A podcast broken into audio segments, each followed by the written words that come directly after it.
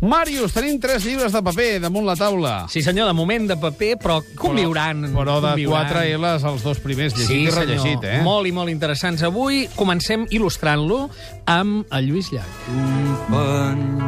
si sabeu... Hi ha un llibre d'en Llach. Sí, està a punt eh, ja, jo encara no l'he llegit, una novel·la, eh, en Llach entre ficció. De tota manera, jo t'he posat l'abril de 74 una mica per il·lustrar, per contrast, una novel·la excel·lent, eh, una novel·la molt ambiental del Valentí Puig, que es diu Barcelona cau. Això acaba de sortir a proa. Eh, és magnífica. Ara bé, fa molta ràbia. Eh? Està situada a l'hivern del 39. És la novel·la de les últimes hores de la Catalunya republicana. Just abans de l'entrada de les tropes franquistes hi ha un silenci estrany eh, i el protagonista és un quinta columnista. És a dir, algú que mm, és un doble agent, que en teoria treballa pels serveis d'informació de la República, però també és un, eh, diguem, feixista a favor del franquisme, no?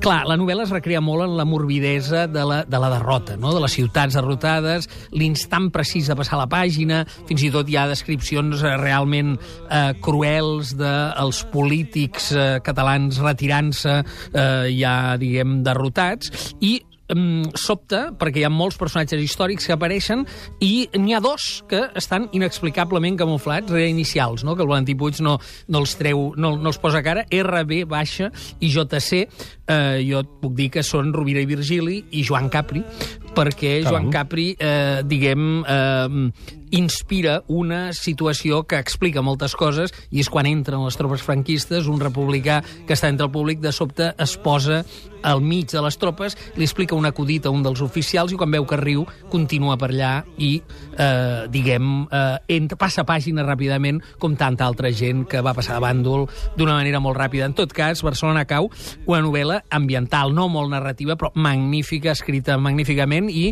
d'aquelles que deixa un regús molt i molt amarg. Ben escrita, eh, Valentí Puig. Sí, senyor. Noms clau? Quinta columnisme, que és un eh, fenomen eh, molt interessant a estudiar, guerra civil, traïció, morbidesa i blanc i negre. És una novel·la en blanc i negre. La terra és plana, ho sap tothom. Ens ho canta en Quimi Portet. Això és per il·lustrar un clàssic desconegut de finals del 19, Planilàndia, de Edwin Abbott. En aquest cas, pròleg i traducció al castellà d'Emili Olsina, a Laertes, també està en català a Laertes. Aquesta és una novel·la de matemàtica ficció, és eh, coetània de l'Alícia de Lewis Carroll, i explica la història d'un quadrat. Aquest quadrat, diguem, viu en un món de dues dimensions i de sobte visita els mons d'una dimensió, que és el de les rectes, el dels punts, després s'enlaira cap a la tercera dimensió, la quarta, la cinquena... Però estem amb un Cortázar geogràfic. Sí, és un, és un joc, diguem, però és un joc en un moment, un context en el qual la teoria de la relativitat d'Einstein estava damunt del debat, aquella quarta dimensió del temps, i en tot cas, eh, ara amb una edició assequible per tothom, Planilàndia té molta gràcia, eh, òbviament és una novel·la abstracta, però eh, s'inscriu en el que seria la narrativa utòpica dels moments en els quals hi ha grans canvis. Heu estat parlant fins fa una estona d'aquest canvi de paradigma que ha significat la xarxa, doncs a finals del 19 estàvem en una situació molt semblant a la d'ara i aquest Planilàndia recorda que mm, es poden tenir punts de vista diferents i veure diferents eh, quantitats de diferents dimensions de la mateixa realitat. Mots clau? Aquí tenim la matemàtica, la geometria especialment, però també la crítica social a la manera del Gulliver de Swift, la sàtira i un referent, Lewis Carroll. Tot el camp És una cançó molt per avui, eh? La canta Sí. Pep Sala.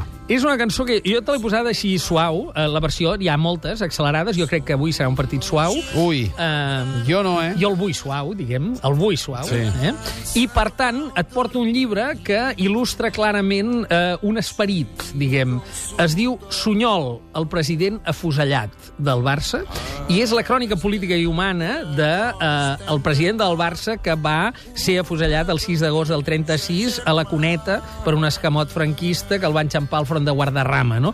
Aquesta eh, és un llibre de Carles Llorenç, és un reportatge d'una nova col·lecció que enceta Pòrtic en, eh, diguem, associació amb la revista d'història Sapiens. És un llibre il·lustrat, amb fotos del moment, un llibre adequat eh, avui per veure que les guerres d'ara no són res comparades amb les d'abans i, per tant, suavitzem-ho tot una mica i anem a fotre un bon gavadal de gols. Gràcies, Màrius. A Així reveure. sigui. Eh, Fins la setmana entrant, una petita pausa i arriben els problemes. Un número de l'1 al 207, please. 202. És el superanimari, ja Va. venim.